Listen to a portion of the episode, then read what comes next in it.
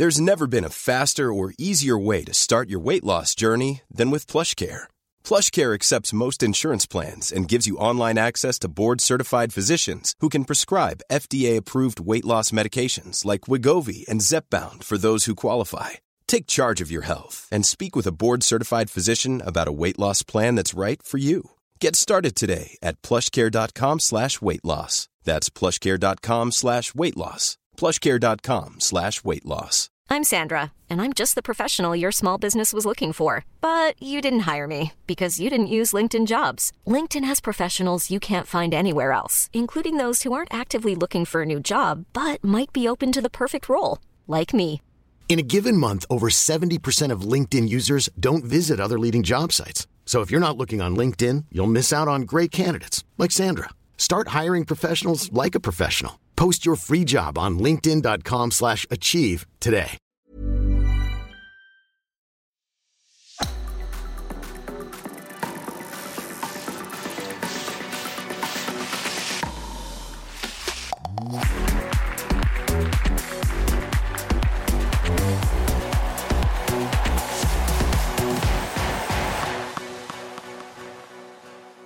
Velkommen til Indre bane. Asbjørn er fortsatt på ferie. Jeg og Dorthea er midt i US Open-avvikling, så vi biter ikke over for mye denne podden, men vi tar de tingene som vi syns er viktige, da, Dorthea. Ja, gjør det. Det er jo et US Open som går, og så er det jo en landslagspause som jeg vil si direkte har gjort at det har effekt av meg, i hvert fall. Så det blir eh, spennende helg når vi går inn i, og spennende dager både på, på tennis, sykkel og fotball. Og Ja. så skal vi jo oppdatere litt på hvordan det går med Birgit, som jeg var så heldig å få sist uke. Ja, vi må gjøre det. Det syns jeg vi skylder. Um, vi får med oss Kenneth Fredheim litt senere, så vi skal snakke om kampene mot eh, Jordan og Georgia. Og vi skal så vidt innom Eliteserien også, men vi starter med det vi kan best, til. vi er jo i gang med finalespillet i US Open, og mens enkelte kamper eh, har levert, jeg må være så ærlig å si, null, niks. Nada. Eh, Vi hadde et par eh, kamper i går som vi ikke var så imponert over, da Ostapenko røyk og hadde null å stille opp med. Kristea røyk og hadde null å stille opp med. Men så har jo andre kamper vært altså proppfull av nerver, underholdningsverdi og følelser. Som da den helamerikanske kvartfinalen mellom Ben Shelton og Francis Tiafoe natt til onsdag. For en kamp! Ja, og eh, jeg må si det at eh, jeg vil helst at jentene skal ta liksom den store scenen og, kjøre show, men jeg syns det er guttene som har eh, hatt skikkelig show denne turneringen her, og det har vært vanvittige kamper. Det var Hollywood sin Ben Stiller tweeta jo liksom I should go to bed, but I'm watching Sinner Sverev, som òg var en vanvittig tenniskamp. Men de amerikanske gutta de har bydd på så mye underholdning, og denne Ben Shelton, han er jo sånn Hvor kommer han fra? Hvem er han? Og jeg kjenner, eller, kjenner jo til han fra, fra før òg, og det er jo helt vilt det han har fått til. og så har det jo vært litt overraskelser, og det regnet vi jo egentlig med. Slutten av sesongen, lang sesong. Mange sliter kanskje litt med litt småskader, mye belastning. Men eh, vi får altså en ny verdensener på damesiden, og det har vi ikke hatt på veldig lenge. Så det er mye som har skjedd nå. Og nå går vi mot slutten her, men USA, for en turnering de har hatt. ja, vi kan ta det der med på jentesida først, da, fordi Sabalenka hun er jo nå garantert å ta over uh, verdens eh, enerposisjonen, fordi Sviantek forsvant ut mye tidligere enn noen hadde trodd, så også Sabalenka, som nok var forberedt på at hun måtte slå henne i finalen for å kunne bli verdensener. Ja, jeg var imponert over Ostapenko, som leverte en vanvittig kamp mot Sviatek. Og så var jeg jo ekstremt skuffa over Ostapenko i går. Men Sviatek røyk altså da, og mot en spiller som kan spille fantastisk på topp. Var nok uheldig på dagen hun møtte hun, men jeg trodde nesten at Sviatek ikke kunne bli slått. Eh, og hvis det er noen, så hadde det kanskje hatt Sabalenka i en finale. Eh, fordi Sviatek har levert så ekstremt stabile, gode resultater over tid og spiller ekstremt voksent og varierende spill. Eh, så det blir eh, veldig spennende å se nå med Sabalenka som eh, som blir verdensener, og som har vist ekstrem stabilitet og og blitt eh, en ordentlig, ordentlig toppspiller. Hun har jo kommet til semifinale og finale og altså berga kvartfinaleplassen i de fem siste Grand Slammene. Eh, og er jo en ekstremt hardtslående spiller som har funnet en veldig fin balanse mellom det offensive og defensive, og, og spiller mye mer smart enn hun, enn hun gjorde før. Eh, kanskje Ostapenko skulle ha sett litt på hun, eller, men eh, Nei, veldig spennende. Så har vi jo et lite håp da i amerikanske Coco, som har kommet til, til semi nå. Ja, amerikanerne har jo med jenter fortsatt. Mm, og så Madsen Keys, ja, skal spille i dag. Og, og amerikanerne har jo hatt Altså, flere damespillere enn herrespillere, vil jeg jo si, da, de siste årene. De har jo selvfølgelig hatt Serena og Venus, og de har hatt Sloan Stevens, de har hatt Madison Keys, som liksom er De kan nærme seg 30 nå, Sloan Stevens og Madison Keys. Um, så de har vært, liksom, vært med å regne med da, i Grand Slam-turneringer. Men på herresiden så har det jo vært ganske tomt vi har jo de gamle, gamle gutta, McEnroe og McEnroe og de, og så har vi Andy Roddick, som var liksom topp, topp, topp spiller. Så har det vært litt tomt. Du har jo hatt et par. Jeg har jo hatt Mardi Fish, som er min, min storebrors store idol. Eh, og så har det vært liksom OK, amerikanske gutter, når skal det mangfoldet komme? Og nå har de altså hva var det, fem av åtte kvartfinaler. De hadde altså vanvittig mange med. Selvfølgelig så er det jo i USA, så det skjønner jeg jo, men altså Jo, men det at de er med på hjemmebane, skaper jo også mye mer press og sånn, ja. så det er jo gitt at de skal være gode der, egentlig. Nei, og det som er så så spesielt òg, er jo at du blir så store stjerner så fort i USA. Altså, Jeg husker jo Taylor Fritz fra U14. Alle snakket om han, hvor god han var. Så det er jo ikke lett når du blir så barnestjerner, fordi de har så lyst på noen toppspillere, og det er så stor interesse, og det er mye mer press, sånn som du òg sier, Susanne. Så så du har jo Taylor Fritz, som da var i Barnestjerna. Tommy Paul, som òg har vært veldig god lenge. Francis TFO. Som, og de tre gutta der har jo leda an og, og, vært gode lenge. Og gikk proff med en gang. Og så har du da Ben Shelton. Født i 2002. Gikk på college. Eh, spilte samme turneringer som jeg gjorde for to år siden. Spilte altså seksersingel. Den sjette beste singelspilleren på University of Florida. Hadde sin egen far som trener. Søster som også spiller college tennis.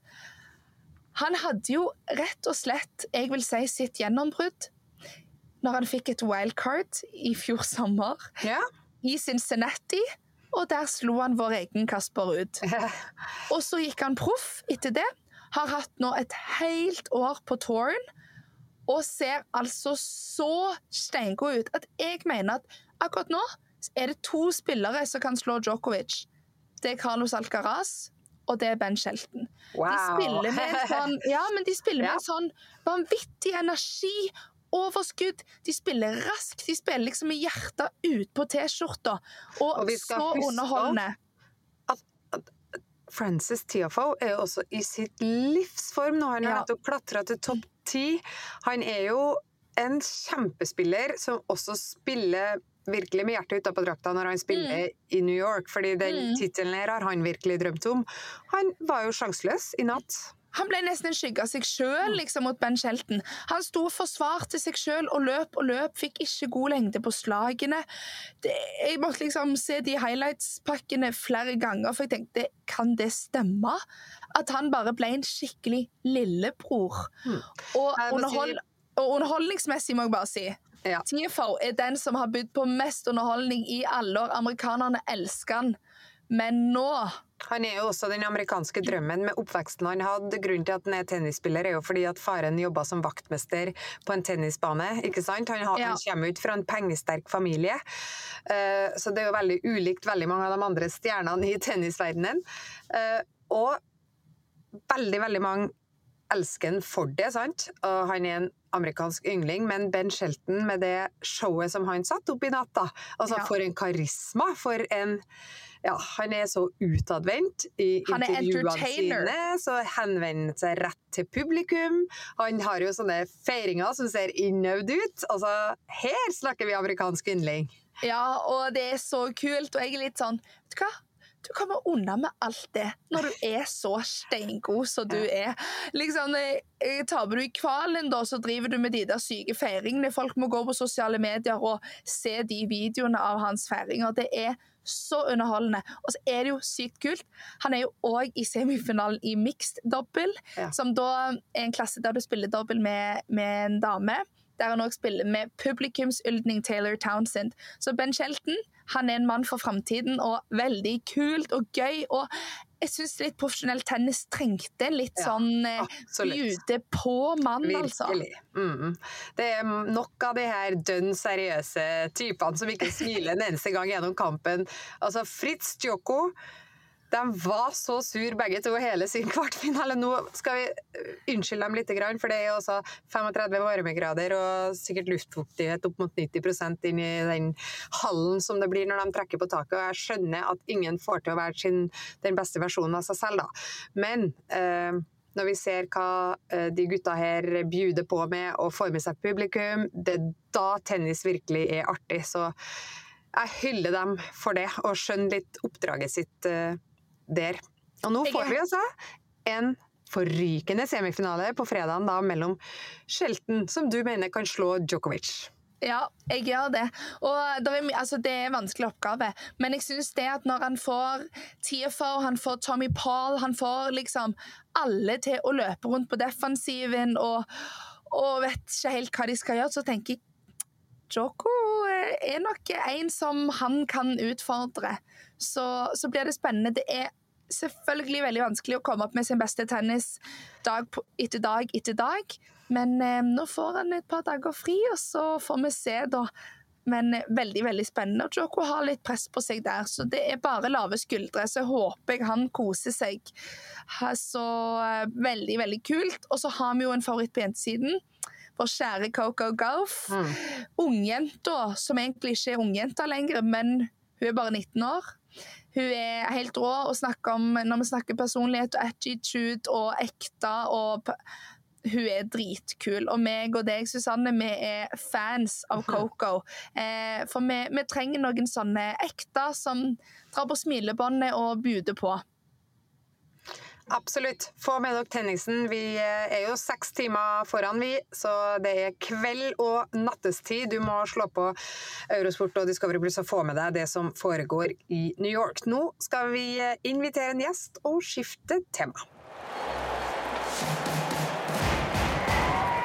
Vi må snakke litt fotball òg, for det er landslagsuke akkurat nå.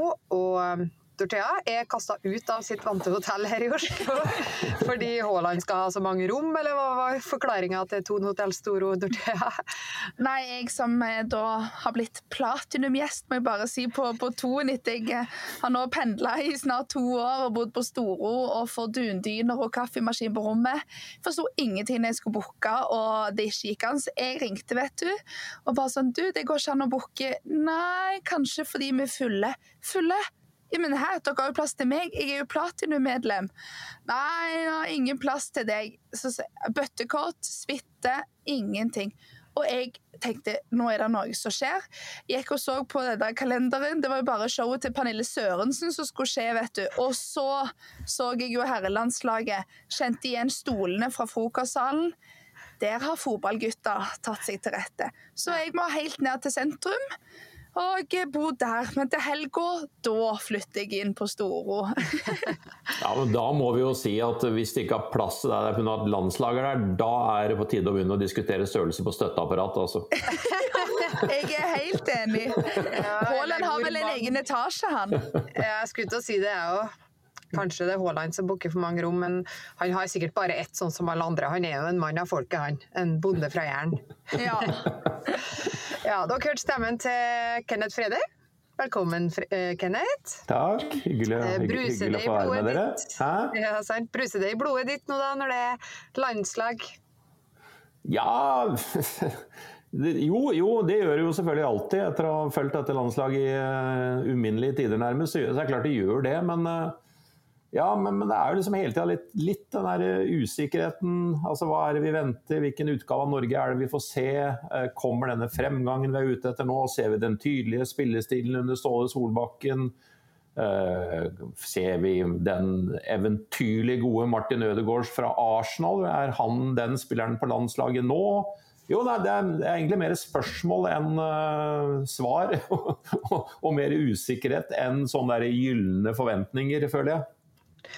Ja, eh, det er jo ikke EM-kvalifisering på torsdag mot Jordan. Det, det er en vennskapskamp. Uh, trening inn mot Georgia som skal spilles på tirsdag. Men selv den EM-kvalifiseringa er jo kanskje mest som trening og regn nå, fordi vi har fire poeng. Og det er ikke noe særlig sjanser for å ta seg til EM gjennom den ordinære kvalifiseringa.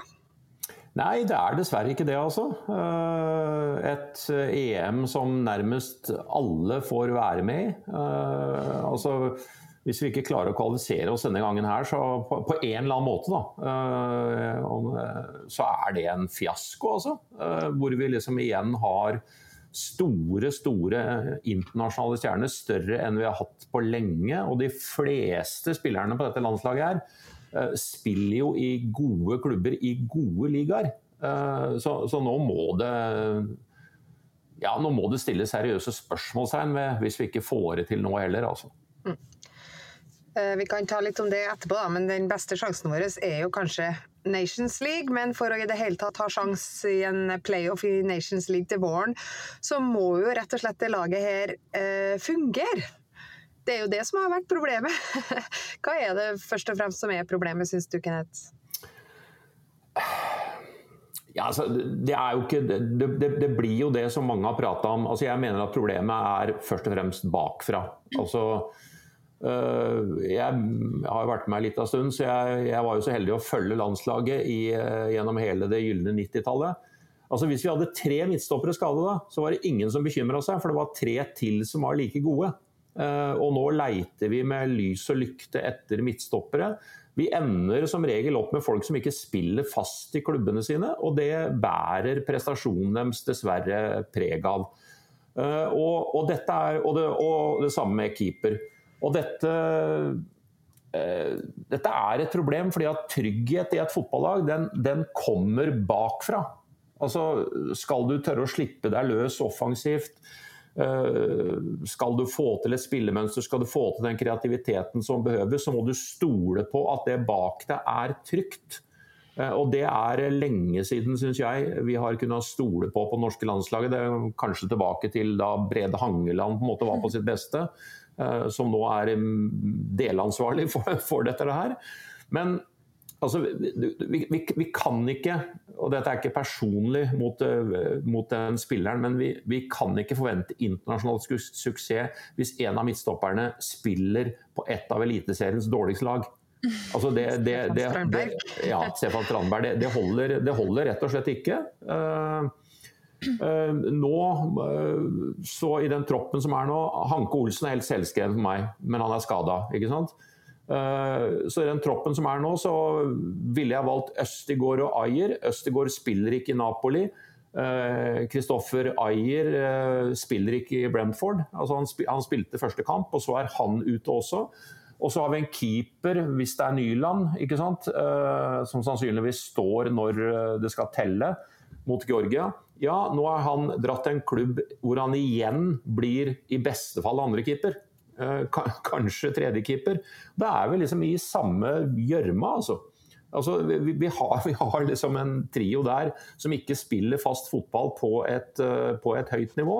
Det er et kjempeproblem. Og det, det, påvirker det offensive, mener jeg da. Det er positiv... jeg, jeg tror, ja, unnskyld. Kom igjen, Toria. Ja. Nei, det, jeg, jeg, er helt enig, og, og, sånn er det vel i, i all lagidrett òg. At eh, for at du skal kunne slappe av og våge å gjøre de offensive grepene, så må du stole på at uh, det er tett bak. Og det positive er jo at uh, Østigard Garcia har sagt nå, sa til TV 2 at eh, fortsetter det sånn som det har vært i Napoli, så kommer han til å måtte finne seg en ny klubb. Eh, Ståle legger ganske press på, eh, og spesielt i denne alderen der det er så viktig å få minutter og få utvikle seg. og Skjønner kanskje at noen hadde melka ut litt penger og sitter på benken om du er på slutten av karrieren, men Østigard, vi er helt Altså, vi må ha han og kunne regne med han. Og, og samme Ørjan Nyland tror nok Ståle alle har vært ganske på der, og du må finne en klubb, og du må spille.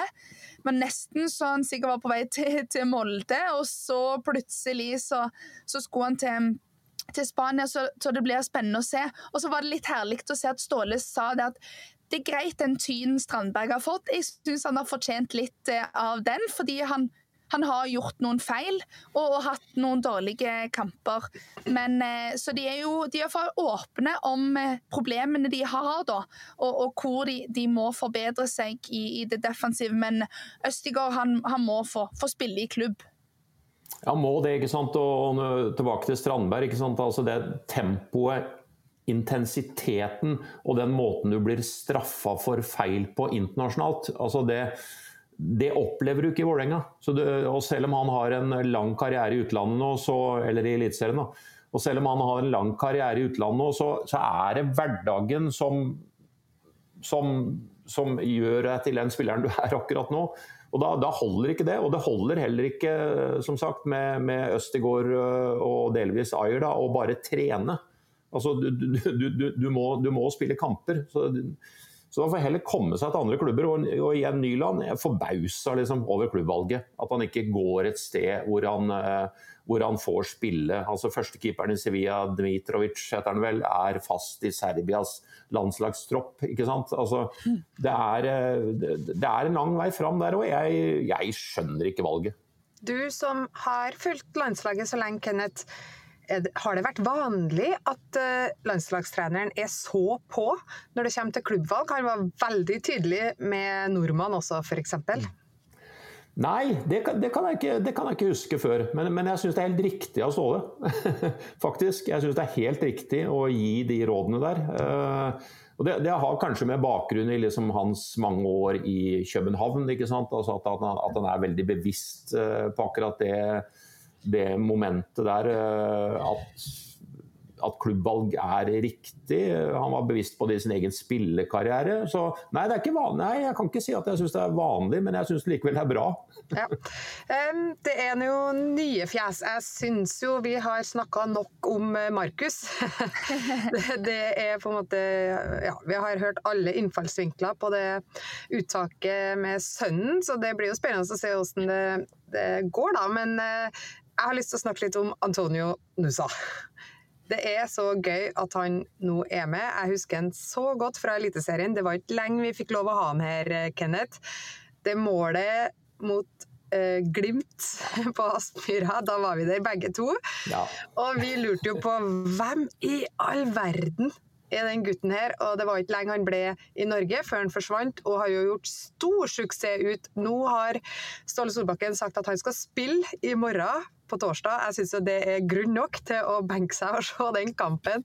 Um, veldig kult at han nå er med. Ja, Fantastisk kult. og Jeg, satt, jeg husker så godt den Glimt-kampen, som du sa. Altså Først har han en, et mottak, medtak, finte bort på sida der, hvor faktisk eh, pådrar eh, korsbåndskade på motstander. og så videre. Og så drar han seg videre, og så skårer han altså et supermål. Og de få minuttene vi fikk, fikk se ham i Eliteserien, altså da, da, da, lyste alle varsellampene opp i internasjonale klubber. Han må vi, han må vi hente, selv om han var eh, så vidt over puberteten. Eh, og han har et eh, enormt potensial. Altså et finteregister, et taktomslag, dribleferdigheter, avslutningsferdigheter. Her tror jeg vi kan ha faktisk en ny, stor norsk stjerne med litt mer tid på seg. Så at uh, han er inne i landslagstroppen nå, 100% riktig. Han skal spille siste Ståle, det er kjempespennende. Han, dette er en kantspiller for fremtiden. Mm. Han har jo avslørt litt av laget, men eh, jeg har lyst til å utfordre deg på hvem det er som bør spille nå. Ja, jeg nevnte vel, eh, jeg nevnte vel Østegård Ayer. Altså, jeg syns det er det liksom selvsagte valget nå med Hanke Olsen borte. Jesper Daland ble henta inn eh, litt sånn på overtid. Eh, Strandberg har vært innom. Så Østegård Ayer stopper paret. Høyrebekk, det blir en sånn skråstrekkløsning. Julian Ryerson spiller i Borussia Dortmund. Et trygt valg. Jeg syns vel Holmgren Pedersen kanskje er litt mer spennende offensivt. Ville vel valgt Holmgren eh, der. Venstrebekk, litt det samme for meg. Meling, skråstrekk, Bjørkan. Eh, jeg har veldig sans for begge. Eh, tror vel kanskje han går med Meling, altså i ny klubb i FCK. Ser han nå. Midtbanen der er det to mann som for meg er helt bankers. Han ene heter selvfølgelig Martin Ødegaard. Men Patrick Berg er helt bankers for meg på den midtbanen. Altså, han, han, er til de grader den mest typiske rollespilleren i denne defensive midtbanerollen, denne sekserrollen. Trygg i alt han foretar seg. Fantastisk ballvinner. Uh, Fytti grisen for en fot han har når han klinker til, og det fikk HamKam merke på søndag. Ja, ikke sant? de to målene der. Ja, ja. Med to minutter mellomrom. Ja. ja, ja, ja. Og det er klart at hvis Patrick han har jo de evnene der òg. Hvis, hvis, han gjør dette med, med, med, med hyppigere mellomrom, så er han jo en helt eventyrlig midtbanespiller. Eller det, det syns jeg han er allerede. Ja. Han spiller aldri dårlig på landslaget. Uh, han, han, er veldig klar for meg. Og så er det den andre indreløperposisjonen. Der, der står det mellom Sander Berge og Fredrik Aursnes. Uh, Aursnes gjør jo strålende i Benfica. Uh, hatt en utrolig bra utenlandskarriere så langt. Og så har du Sander Berge. Jeg syns han har fått en god start liksom, i Burnley. Altså, jeg syns han er eh, helt, helt OK, liksom. Eh, jeg er veldig, veldig i tvil der. Eh, mellom hvem eller valgt av de to. Men OK, en omgang på hver, da. Start med Sander Berge, da. Nusa har vi snakka om. Klink på venstrekant. Vi må jo håpe at Erling Braut er ja, 100% og kan starte. Hvis ikke, så må det bli eh, Strand Larsen på topp der. Det er det som ligner mest, rett og slett. Bård Finne er for meg liksom en litt sånn joker. Og En annen, annen uh, spiller jeg har veldig sans for, da, jeg, og nå, nå har han gjort noe fornuftig, da, Ola Solbakken. Altså Lite tillit i Roma. ikke sant? Komme seg til Olympiakos, hvor han forhåpentligvis får eh, spille fast. Jeg, jeg elsker Ola Solbakken. altså en en kantspiller med den fysiske ramma, som har den hurtigheten, har det taktomslaget. Uh, setter litt sånn skrekk i bekkene når han, når han har dagen. Så ja, det er vel de 10 000-spillerne. Og så er det keeper, da. Vi har jo snakka om Nyland. Ja, men han veit hva han står for. Ja, så prøv Mathias Dyngeland, da. La nå han stå i hvert fall nå mot Jordan en, en omgang, og så får vi se. Det, det sier jo alt. Altså Hvis man tar lista under Ståle her de siste ti landskampene, liksom, hvem som har vært inne som keepere ved siden av Nyland, da, det er ikke mange som ikke har vært med, for å si det sånn. Eh, så, så, de leiter jo med lys og lykte her. Så gi Mathias Dyngeland sjansen, mener jeg. Og det de bør bruke denne ja, perioden her, og den uh, pausen vi har uh, senere i 2023 òg, det er jo rett og slett å få spilt inn et lag som fungerer og som kan levere når det gjelder til våren i Nations League. Det er jo det som er vårt EM-håp. Greit, da tror jeg vi eh, forlater landslaget. Men når vi først har, har deg her, Kenneth, som fotballmann, så koster vi på oss å snakke litt om Eliteserien òg, for nå har det skjedd ting. Det er jo sånn det ofte er, at når det kommer en landslagspause for Eliteserien, så benytter en del klubber anledningen til å gjøre noe grep. Og det har nå eh, både Stabæk og FKH gjort. Eh, Jostein Grindhaug går av, Lars Bohinen går av. Eh, hva tenker du om det, Kenneth? Uh, ja, uh, altså Lars Bohinen kommer inn der, gjorde jobben sin, og så har denne sesongen her blitt blytung, selvfølgelig. Uh, etter en ok, OK start, da. Altså jeg, jeg, jeg, tror det er en vanskelig jobb i Stabæk nå også. Altså, det, det, er lite, det, er lite, ressurser, det er denne nitriste hjemmearenaen, det er liksom lite engasjement. Det er liksom ikke noe, liksom ikke noe igjen av den der galskapen. Den, den litt sånn annerledesklubben som de var. Eh, jeg tror det er fryktelig vanskelige arbeidsforhold, rett og slett. Altså, vrient å trekke de riktige spillerne dit og alt sånt. Og jeg tror ikke Lars Bohin er ikke noen dårlig fotballtrener. Altså. Det, er, det, er, det, er, han ikke, enkelt og greit. Men noen ganger når, når, resultatene blir som de blir, så må du noen ganger bare gjøre en forandring for å gjøre en forandring. Liksom. Og jeg, og jeg, jeg, føler at Lars blir et, blir et, offer for det nå. Så får vi se om det hjelper noe med hvem de får inn. Om de da tar en trener som står for en helt annen stil i et sånn ekstremt forsøk på å redde plassen for sånn de siste ti kampene. Så ja, det, man, man, så vel litt den der komme. Ja, um, det er ikke unaturlig når øh, resultatene uteblir. Uh, hva med FKH, da. Det er jo en institusjon i FKH. Jostein Grindhaug, og en mann som man kan ha inntrykk av at uh, ja, styrer med alt i den klubben. Um, han uh, ville jo egentlig ikke være hovedtrener, men han ofra seg på en måte da, og tok over jobben da de uh, måtte la Erik Horneland gå til Rosenborg. Og så har han tjent uh, i den stillinga helt til nå, og nå sier han jo også at han blir til de har funnet en mann som kan ta over. Um, hvem bør det være? Fantastisk klubbmann, må først si det, med Jostein Grindhaug. Men, men, det er jo som du sier, han har styra med alt. Det er en slags sånn miniversjon av Nils Arne Eggen i, i, i Haugesund. Uh, tror kanskje det er riktig ja, å gi seg. Jo, men her kan du liste opp uh, selvfølgelig de vanlige mistenkte. han har Sagt. Altså, du har Dag eller Fagermo, som jeg tenker at kanskje kan være aktuell i Stabæk. Uh, men jeg leste at han kanskje skulle prøve noe, noe ja. annet enn å være fotballtrener nå. Eller han, han gikk ut i media var det to dager siden og sa Nei, kan være han skulle prøve noe annet og ikke være fotballtrener lenger. Jeg så det, jeg så, jeg så det. Jeg så det. Den, ja. den, tror jeg sitter langt inne for ja, eh, Dag Eile. Altså.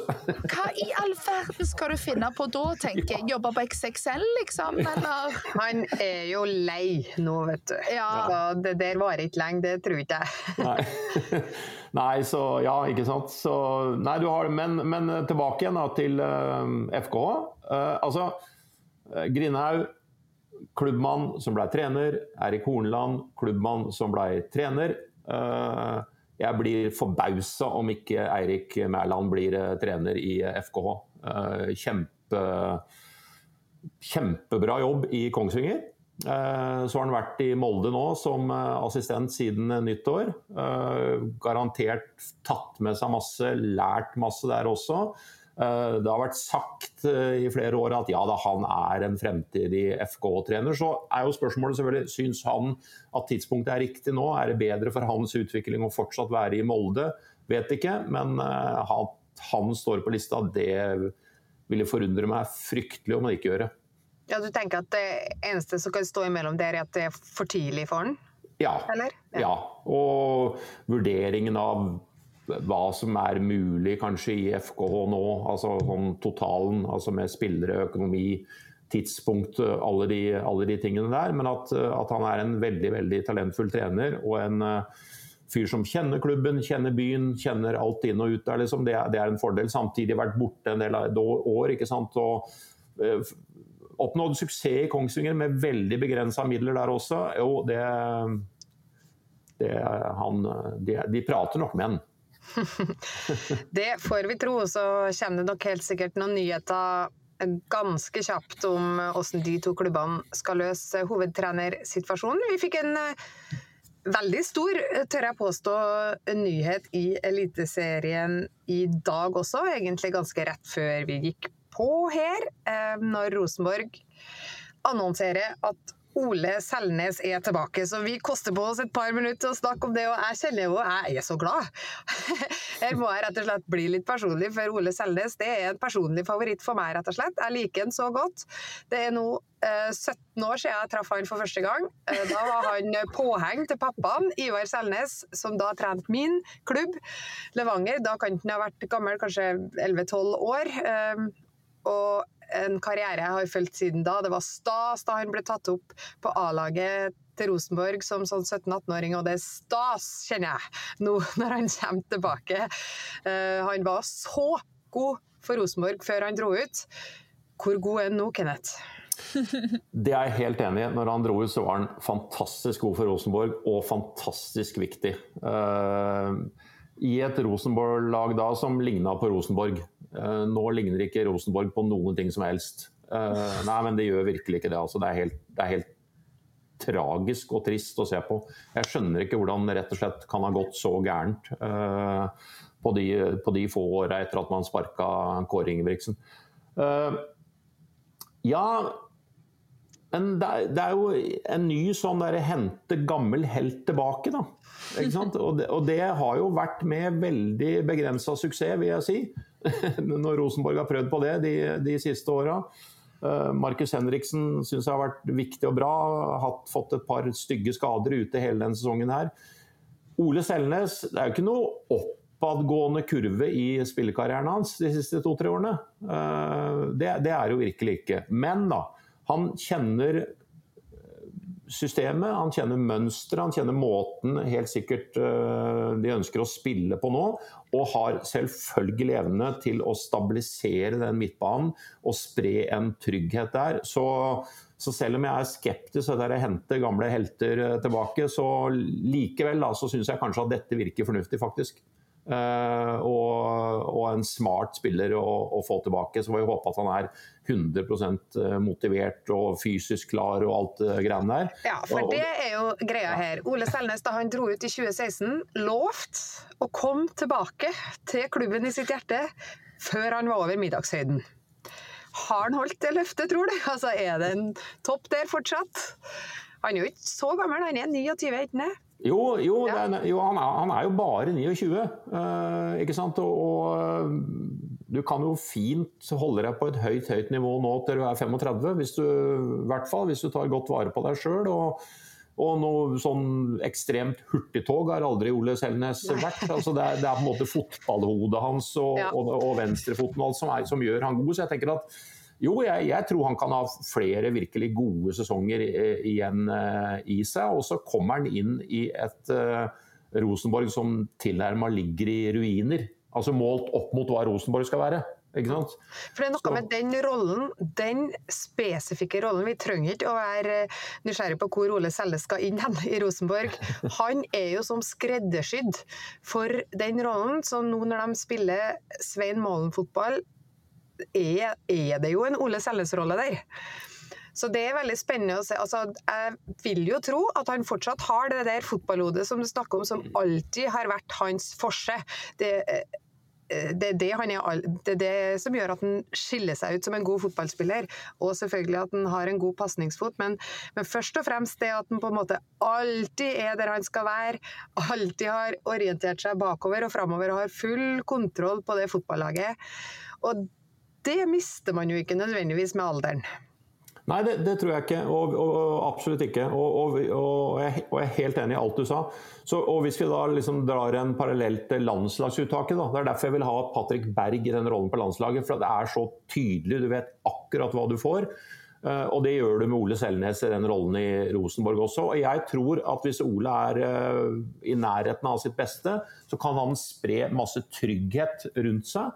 Uh, og, og, være med liksom å ja, bidra til den der redefineringen da, av hvordan, hvordan, de skal spille fotball. Så jo da, det er absolutt altså, det makes sense. Og så håper jeg for, for, Rosenborgs del at han virkelig er eh, sterk og klar og, og fortsatt har ambisjoner. Det er viktig. Ja, så er det jo gøy at det går ut 2027, og at han ja, mm. som du sier, bare er 29. Og ja, i blytung-sesongen så er det jo en gøy signering, og mm. trønderne ja. og Susanne er ja, ja, ja. Det er kjempeboost, det skal jeg love dere. For ja. alle trøndere som har lyst til å gå på Lerkendal, du har ikke lyst til å gå glipp av den der kampen der han er tilbake. Jeg tror jeg har jo fulgt med litt når jeg er på Twitter og ser på mottagelsen nå. og eh, Folk er jo over seg av begeistring ja. og glad for det her. Så i hvert fall en umiddelbar boost ja. nå. Og så må jo Ole da levere for at det skal bli en langvarig boost. Men, ja, han har jo kommet hjem, og det er jo ja. veldig gøy. Det er ikke bare nødløsning før han skal ut igjen. Så det er jo eh, Ja, ser Susanne kom til meg i dag Kenneth, og sier hva forhold har du til Ole Selnes? Nei, Ole Selnes har ikke så mye forhold. Å nei. og nå ser jeg Rosenborg-hjertet ditt eh, pumpe litt, Susanne. Og eh, du fortjener det veldig bra, for jeg har hatt eh, en bedre sesong. Så nå skal du og Ole Selnes få lov til å, å, å få det litt, litt bedre med, med Rosenborg. jo, men dere, dere, har et kjempepoeng. Altså det, det, ene er spilleren, selvfølgelig, som vi, som vi snakker, om, snakker, om, men at det bringer inn entusiasme. ikke sant? Uh, og at det, det, selvfølgelig blir kjempepositivt mottatt uh, hos Kjernen og alle andre med et uh, Rosenborg-hjerte. Så nei, nei så det, det, er, det er en, Alt tyder på at det er en god signering. Tusen takk, Kenneth, for at du kunne komme og prate litt eh, fotball med oss. Og så krysser vi fingrene for landslaget både på torsdag og på tirsdag. Det gjør vi. Veldig koselig å være med. Da skal vi egentlig runde av, vi. Men før vi gir oss, syns jeg vi skal oppdatere lytterne våre på hvordan det går med forrige ukes eh, gjest, eh, Dorthea. Det syns jeg vi skylder Birgit. Ja, det hun er jo godt i gang med ro-VM nå. Hvordan har det gått? Ja, hun, hun, er det, og hun var jo veldig klar til oss siste uke og var sånn Å, det er veldig annerledes fra år til år, og vi kan liksom ikke leve på tidligere suksess, men eh, for å si det sånn. Det er 33 sekunder til nestemann når hun vant eh, semifinalen eh, her eh, for noen dager siden. Så hun skal inn i finale i helga. Hun har allerede sikra plassen sin, så hun skal til Paralympics i Paris neste sommer, så vi får mer Birgit. Og hun er altså i rute. Det er veldig bra. Og så snakka vi jo veldig mye også om den dobbeltskulderen vår med Thea og Jenny, som vi håper skal klare å ta seg til Eller har du oppdatering på hvordan det går med dem også? Ja, de um, rodde faktisk i dag Nei. Onsdag. Mm. Um, 11-12 rodde de. Og de kvalifiserte seg videre, tok en andreplass i heatet og eh, er da videre til semifinale. Og nå handler det altså om, for vi skal få vår første damebåt siden 1996 med et OL, så må de komme topp syv. Så ja. vi gir all styrke til Thea Jenny. Håper det går bra resten av uka også. Og så, siden det nå da foregår en Grand Tour i sykkelverdenen, så er det verdt å nevne at du ser Uelta i Spania på Eurosport i disse dager også. Det er jo et enormt stjernespekka ritt, denne utgaven av Ueltaen. Det er et klatrebonanza i år, og det er Sepp Kuss som leder nå mens vi spiller inn denne podden. Han har klart å beholde ledertrøya gjennom tre etapper, er det vel nå, også tirsdagens tempo, som var veldig imponerende. Eh, det skal klatres igjen i dag, onsdag da. Og så er det jo fortsatt ja, vidåpent og spennende. Det er et kobbel av kanoner som ligger topp ti, så absolutt ingenting er avgjort i årets utgave av Velta. Og all den dramatikken eh, ser du på Eurosport eh, i ei halvannen uke til. Med det så takker vi for oss, og så håper vi at alle sammen koser seg med både tennis og sykkel og landslaget inn i helga. Ha det bra. Ha det.